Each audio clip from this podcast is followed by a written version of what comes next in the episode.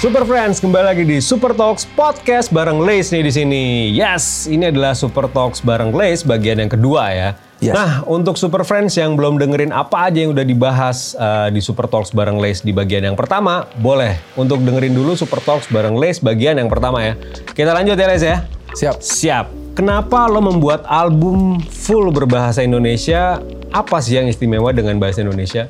Jadi ketika dulu gue bikin album bahasa Inggris, gue merasa pesan-pesan gue tuh nggak sampai. Jangankan pesan, mungkin teknik-teknik kayak wordplay, metafora, majas juga bahkan sulit ditangkap. Dan waktu gue coba switch ke bahasa Indonesia, saat itu yang pertama dirilis judulnya adalah Budak. Tiba-tiba responnya bagus banget. Orang-orang awam bahkan media saat itu juga memberikan respon yang baik. Itu yang gue nggak sangka. Di situ gue berpikir kayaknya ada baiknya kalau kita coba sekaligus bikin full album Bahasa Indonesia. Indonesia, biar jadi ibaratnya Neil Armstrong tuh ke bulan nancepin bendera duluan lah gitu. Ah, oke. Itu yang gue coba lakukan album wordplay bahasa Indonesia uh, new school ya mungkin saat itu gitu lah ya. Ini berbicara wordplay nih dalam lirik bahasa Indonesia yang biasa lo tulis. Bisa kasih contoh lirik lagu apa yang lo olah dari kata-kata sederhana sehari-hari mungkin hingga bisa jadi verse rap yang menurut lo keren? Sebenarnya wordplay kan main kata-kata aja. Itu tuh hal kalau diomongin sehari-hari jatuhnya jayus. Bahkan dari tebak-tebakan angka-angka apa yang tinggi, Nah, angkasa gitu. Itu bisa di wordplayin gitu. Oke. Kayak satu, dua, tiga itu adalah angka, sa, langit, terbangkan, eh, kesempatan langka, apa ya Ah. bisa gitu.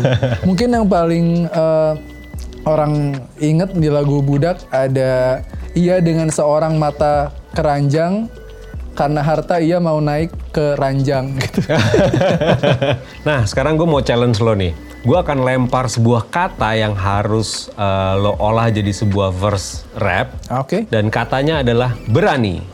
Aku tidak takut, aku berani, aku bisa terbang seperti kuda sembrani. Berani, sulit dibaca seperti huruf Ibrani. Aku bergerak walaupun merasa terbebani, tetap ku bawa di pundak. Walau berduri seperti punggung landak, dari Fatmawati kecil landak, Lace masih langka seperti badak. Cula satu, aku nomor satu, kalian semua jadi batu. Seperti malin kundang, tapi bedanya kalian tak kuundang. Ini bisa bisa diterusin jadi track nih ya nanti. Bisa jadi tinggal direkam. Tinggal boom. direkam. Oke, kalau boleh tahu siapa sih rapper idola lo yang sangat menginspirasi lo untuk dalemin wordplay? Sebenarnya awalnya gue belajar itu dari eh, Lil Wayne. Lil Wayne. Jadi dia menurut gue lirik-lirik main katanya eh, sederhana, abis itu ada sisi humornya.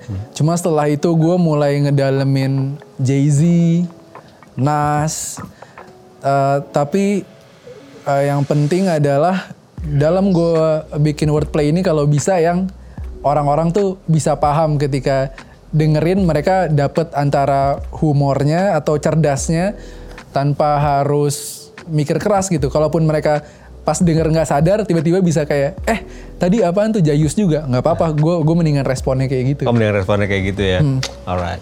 Kabarnya lo juga pernah jadi juri sebuah acara rap battle Bener. Iya, berbarengan dengan idola lo Saikoji dan Iwake juga. Yap. Gue seneng dan sangat bangga gitu ya bisa duduk semeja sama Iwake sama Saikoji tapi terlepas dari itu tetap pasti ada lah yang kontra kayak kayak banyak yang lebih jago dari Lace kayaknya eh, banyak yang lebih hebat ya jawaban gue itu eh, pinter-pinternya lo branding dan connect sama orang lain juga sih dan Bener, kebetulan bener. saat itu eh, gue dijadiin juri karena gue punya pengalaman di situ Apa aja sih ilmu yang lo dapat dari mereka ketika jadi juri di sebuah kompetisi itu tadi? dari Saikoji dulu dia tuh selalu bilang untuk oke lu harus bisa ngasih value yang lain selain cuma jadi rapper bakal rilis lagu atau apa kasih lihat lah sebenarnya nilai-nilai yang lu pegang apa lu sama keluarga eh, gimana atau mungkin hal kesukaan lu apa. Kalau dia kan emang approach-nya seperti itu ya. Kalau Iwake tuh bilang ke gue kayak satu quotes yang paling gue inget dari dia kalau orang nemuin cara berkarya sebelum nemuin dirinya sendiri kalau menurut dia itu bisa bahaya. Waktu itu dia bilang gitu Iya. ke gue itu sih yang gue selalu inget dan yang gue eh, ulik dari Iwake adalah gimana dia tetap bisa bertahan walaupun misalkan dulu rapper tetap bisa jadi pembawa acara terus tapi balik lagi ke nge-rap lagi. Hal-hal kayak gitu sih yang gue pelajarin dari mereka. Bahkan Psychoji pun eh, juga ngajarin gue untuk ngebuka pintu jangan ngebatasin jangan ngebatasin diri siapa tahu ada kayak dia tiba-tiba jadi eh, ambasador produk apa produk apa yang mungkin gak ada hubungannya sama hip Hip hop betul. Cuma ketika lo bisa bikin lagu yang luas dan bahkan nggak cuma penikmat hip hop bisa nikmatin lagu lo, kayak dia selalu bilang kalau orang daerah bisa ngikutin lagu lo bisa enak, ya berarti menurut dia lagu itu berhasil gitu. Nah untuk kompetisinya sendiri tuh gimana sih menurut lo apa aja yang banyak berubah terus kemudian ada hal-hal baru apa aja yang lo temukan dibandingkan dulu waktu lo masih ikutan kompetisi rap battle pas SMP itu. Oke, ranah battle rap di Indonesia itu selalu menarik karena banyak orang salah kaprah. Mereka kira kalau mau battle harus spontan. Oh. Padahal ada baiknya eh, ditulis dulu. Ketika udah makin ke sini, zaman makin modern, kalau kita lihat di luar negeri, mereka nulis liriknya tuh yang bagus dulu. Jadi ketika nyerang musuhnya lebih bagus. Salah kaprah itu masih eh, terjadi, Masih terjadi, saat ya? itu. Tapi kalau dari bagusnya, gue ngeliat mereka perform makin jago-jago. Bikin lagu udah pada makin bagus-bagus, makin up to date. Gue inget bahkan di final tuh mereka pakai dancer-dancer, Oh, pakai oke. konsep-konsep yang gue bayangin tuh kalau saat itu TV mau sponsorin atau tayangin harusnya hip hop bisa lebih luas lagi jangkauannya. Dan menurut lo sebenarnya proses regenerasi rapper-rapper tanah air itu perkembangannya seperti apa sih? Sekarang menurut gue eh, jauh sangat membaik ya. Oke. Eh, mungkin terbantu sosial media juga gitu. Gue ngelihat yang eh, junior bermuncul-munculan, bahkan yang senior pun jadi ikutan panas lagi. Gue eh, ngerasain ada itunya. Kalau gue ngerasa gap senior jun- junior sih udah nggak segitunya kalau di di, di lingkaran gue. Nggak seperti gitu. dulu ya? nggak seperti dulu bahkan gue banyak nongkrong sama teman-teman gue tuh yang umurnya masih pada belasan gue bahkan Hmm. bikin musik bareng mereka juga dan ya gue juga belajar dari mereka jadinya regenerasinya cukup baik minatnya juga cukup tinggi paling eh, kita cuma perlu bisa bikin hip hop nih nggak cuma tren doang dan bikin lebih tinggi lagi animo masyarakat ke musik ini gitu Musik hip hop ya? Iya. Oke. Terus gimana menurut lo dengan fenomena diss nih di dunia hip hop? Iya itu yang gue lumayan kesel sih. Kayak orang tuh cuma nengok ke hip hop kalau ada dis-disan Dis-disnya doang. ya. Kalau ada ngata-ngatain, kalau ada drama cuma ya mungkin emang di semua hal. Apalagi kalau konteksnya lo entertainment eh, sesuatu yang bersifat drama tuh bikin orang nengok. Sangat disayangkan karena hampir mungkin hampir tiap bulan pasti ada lagu-lagu hip hop bagus yang keluar dari musisi rap tanah air. Hmm. Sayang kan kalau lu cuma pay attentionnya sama lagu yang drama gitu. ya. Oke, sekarang kita bicara soal album ketiga nih terbaru lo, Puncak Janggal. Yap. Itu dirilis eh, akhir tahun 2020 kemarin ya. Mhm. Itu gimana sih proses pembuatannya? Karena kita tahu kan di 2020 tuh banyak banget kegiatan yang dibatesin Iya. karena pandemi. Terus apa yang janggal dari sebuah puncak yang lo naikin? Oke, jadi kalau kita ngomongin prosesnya dulu, gue bikin album itu kan udah start dari mungkin akhir 2018 saat itu sebelum pandemi. Tapi eh, ketika 2020 udah mau rilis nih, udah saatnya lockdown kan. Iya. Jadi akhirnya kita lewat Zoom. Oke, secara virtual lah ya. Secara virtual kayak eh, cuma ya susah sebenarnya itu stringnya kayak kurang ini deh frekuensinya padahal kan itu udah ke distort juga Iya, iya, benar, Cuma akhirnya eh, itu bisa diselesaikan. Kenapa gue ngerasa janggal atau kenapa gue nyebut album itu puncak janggal? Pertama gue tahu ini tuh apa ya sebagai musisi atau sebagai seniman artis ini tentunya yang gue capai bukan puncak tapi mungkin gue yang 15 tahun lalu sangat menginginkan eh, situasi gue sekarang. Cuma ternyata ketika gue mencapai hal yang gue inginkan eh, banyak kejanggalan-kejanggalan di situ. Dulu gue pikir kayak pengen jadi eh, musisi ya, jadi rapper, pengen hidup dari musik. Ternyata bisa gue hidup dari musik jadi rapper, tapi tetap naik turunnya tuh selalu ada. Selalu ada, betul. Kadang lo eh, ada duit, kadang lo bener-bener bisa nggak ada. Dan bahkan ketika gue rilis waktu bicara tuh hampir nol rupiah di kantong gue. Semua tuh keluar buat kayak bayar player dan lain-lain. Perjuangan gue tuh ada di situ di waktu bicara. Hmm. Cuma untungnya balik modal. Alhamdulillah ya. Alhamdulillah. Iya. Eh, apa sih track yang paling personal untuk lo di album Puncak Janggal? Album Puncak Janggal yang paling personal mungkin ada lagi tentang keluarga itu ada di titik terendah, titik tertinggi itu sangat personal. Terus ada lagu yang gue suka juga turun dari langit. Jadi gue terinspirasi bikin lagu itu ketika COVID datang dan semua orang kesulitan mendapatkan uang. Lagu itu jadi eh, lagu terakhir yang direkam tuh kita Oh, lagu terakhir tiba-tiba. tuh ya? Iya, jadi dalam dua hari boom tiba-tiba jadi gue studioan satu sesi jadi semua akhirnya itu turun dari langit. Abis itu yang paling gue suka sebenarnya judulnya Ruang Tunggu. Ini lagu yang nggak terlalu dapet uh, attention atau nggak terlalu banyak di highlight sama pendengar-pendengar, cuma tetap itu yang paling gue suka. Oke. Dan di album Puncak Janggal lo juga banyak melakukan kolaborasi ya dengan beberapa rapper, terus kemudian ada musisi lintas genre juga. Yap, yap. Apa sih yang membuat lo merasa setiap lagu itu cocok untuk dikolaborasikan dengan musisi-musisi seperti ada kayak Oscar, Iya. ada Petra Sihombing juga Iya, ya, iya. ada Kara Cenoa, ada Ben Sihombing, Ariel Nayaka, Hindia sama terakhir ada Jemono juga gitu. Hmm. Jadi uh, ketika gue bikin musik, ya gue kayak lihat lihat lukisan gitu ya. Warna apa lagi sih yang cocok buat ngelengkapin sebuah lukisan ini? Proses gue tuh ketika gue punya musik yang belum selesai, uh, gue pengen kayaknya kolaborasi menarik. Gue akan mendengarkan lagu-lagu orang-orang Indonesia, anak-anak Banyak lagu nih ya. banyak lagu anak-anak sini lah biasanya. Dan ketika gue denger kayak, oh musisi ini cocok. Oh Petra lagi bikin soundnya kayak gini, kayaknya bisa Bisa dimasukin masuk deh nih, ha. ke sini. Dia mau nggak ya? Atau kayak Hindia tuh soundnya gini ya, ini bisa masuk kali di part yang sini. Begitu juga dengan Jemono, uh, kayak Oscar, Ariel Nayaka, semuanya gue lakukan dengan pattern itu gitu dan merekanya kooperatif juga sih emang emang asik juga Emang Jadi- asik semua ya. Emang asik juga. Jadi waktu gua kasih materinya eh, mereka masuk ya udah kita eksekusi di studio nulis bareng belum pandemi saat itu kan.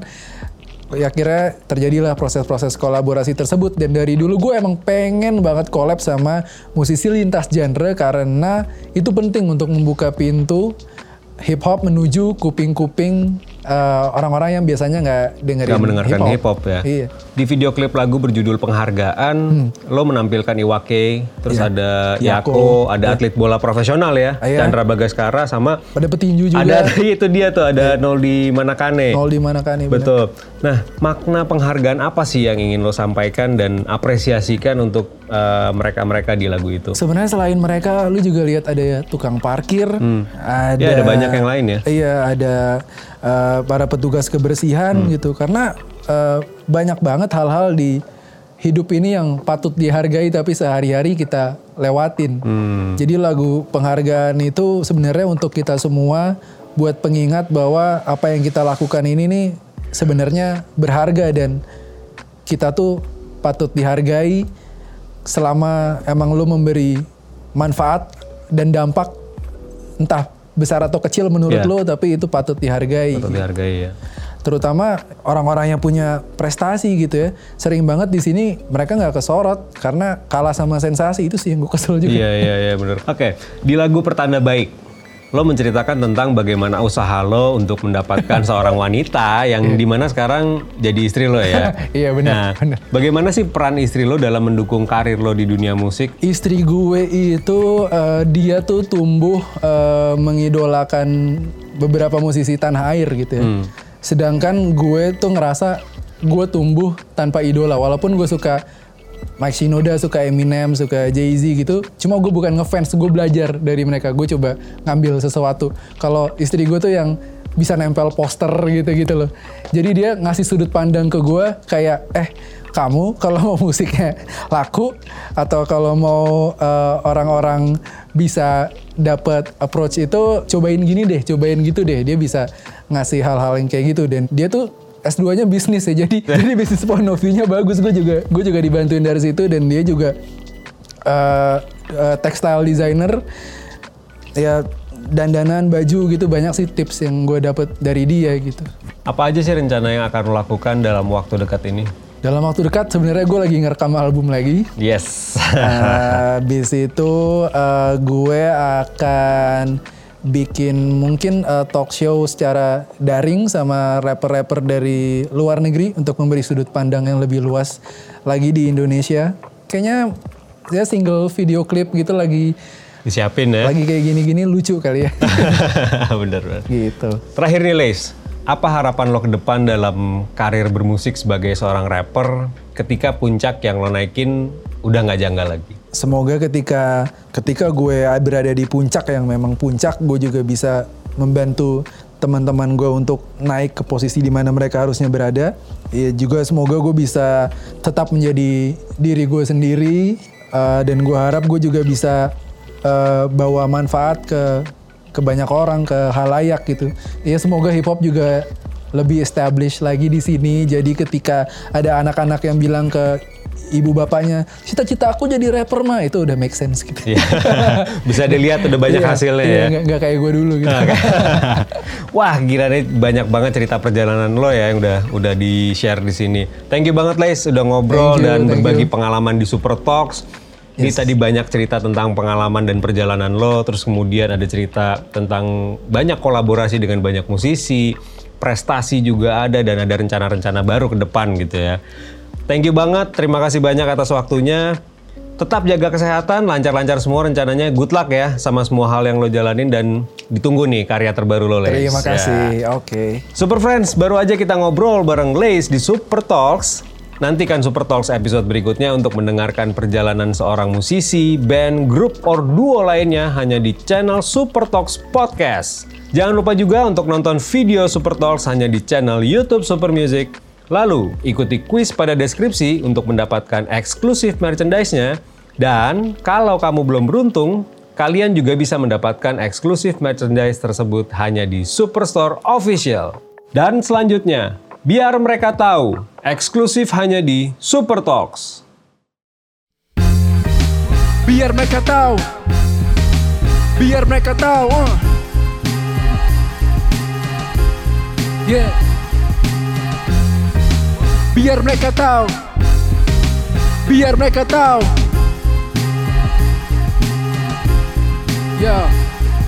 Bicara itu murah, pengalaman mahal yang sekarang masuk kantong dulu tidak masuk akal, masuk kuping, masuk hati kini semua orang hafal, masuk TV waktu kecil hanya berhayal. Pesan taksi sebelum terbit matahari. Musik bawaku pergi ke sana kemari.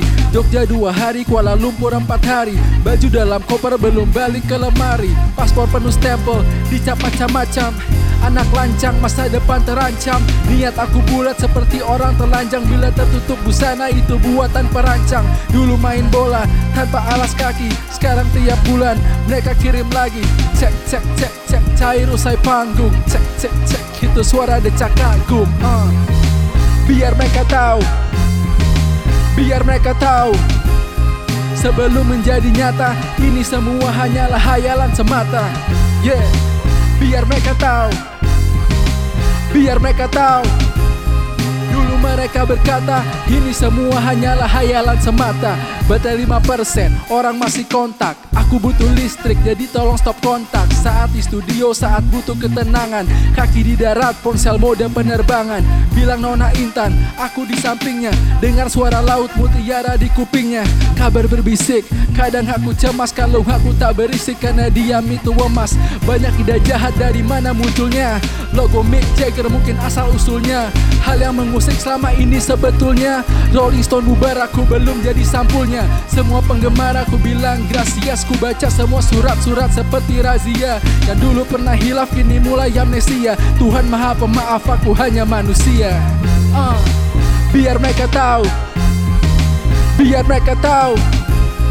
Sebelum menjadi nyata Ini semua hanyalah hayalan semata. Yeah. Biar mereka tahu. Biar mereka tahu. Dulu mereka berkata Ini semua hanyalah hayalan semata. Peduli apa bila kau bilang tak pantas. Bila ku di persimpangan seperti polantas Naik atap gedung langit menjadi batas. Itu caraku mendekat pada yang di atas. Dua malam tak tidur aku tak ingin diganggu. Mata berkantong seperti celana kargo. Tak berhenti hidup berjalan bagai argo. Bila jadi debu itu baru saatnya vakum Punya uang sedikit semua belaga penting. Bersulang di pesta gelas-gelas bedenting Buka meja, botol dikerahkan. Aku tak butuh meja hanya untuk buat gebrakan. Lace